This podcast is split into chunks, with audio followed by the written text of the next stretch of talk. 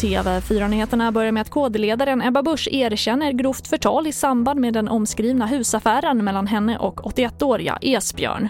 Att jag har skrivit på ett strafföreläggande innebär att jag erkänner ett brott som jag i själ och hjärta anser mig vara oskyldig till.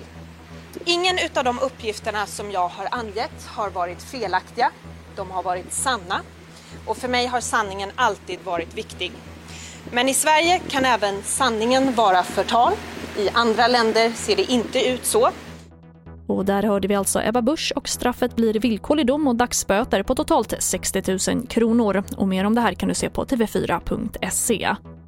Och en person har anhållits i Helsingborg för att ha delat en video från den uppmärksammade dödsskjutningen av en polis i Biskopsgården i Göteborg i söndags kväll. Det rapporterar SR. Polisen har beslagtagit personens telefon och dator. Och vi avslutar med fotbolls-EM.